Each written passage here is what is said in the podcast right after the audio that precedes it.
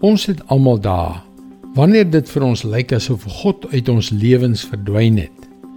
In teorie mag jy heel moontlik glo dat hy jou nooit sal begewe of verlaat nie.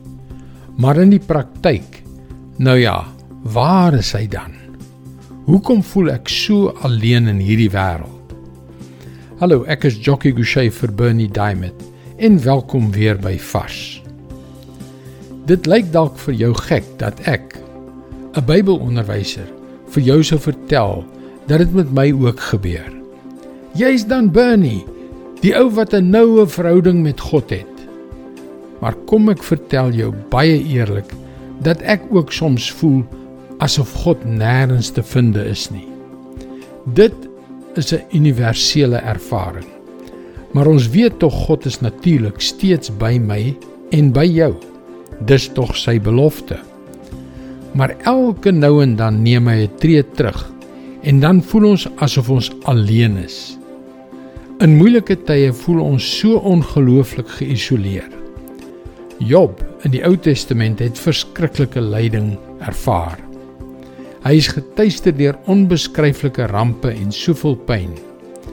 Kyk hoe hy hierdie desperate gevoel van isolasie gestel het in Job 23 vers 8 tot 11.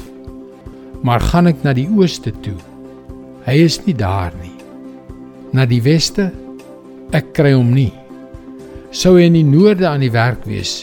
Ek vind hom nie daar nie. Sou hy na die suide toe draai? Ek sien hom nie. Hy ken my pad. As hy my toets, is ek suiwer soos goud. Ek volg hom waar hy gaan. Ek hou op sy pad en draai nie af nie. Waarom tree God van tyd tot tyd terug? Dit is om ons te toets, om seker te maak dat ons soos goud gelouter word. Moet nooit ophou om hom te volg nie. Selfs wanneer jy hom nie sien nie, is hy altyd net daar by jou. Dis sy woord vars vir jou vandag. Dit is gedurende daardie tye van toetsing wanneer God se woord 'n kragtige verskil in jou lewe kan maak. Jy kan daagliks boodskappe soos hierdie per e-pos ontvang. Gaan na ons webwerf varsvandag.co.za en teken in.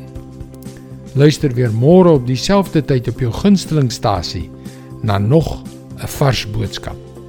Seënwense en mooi loop.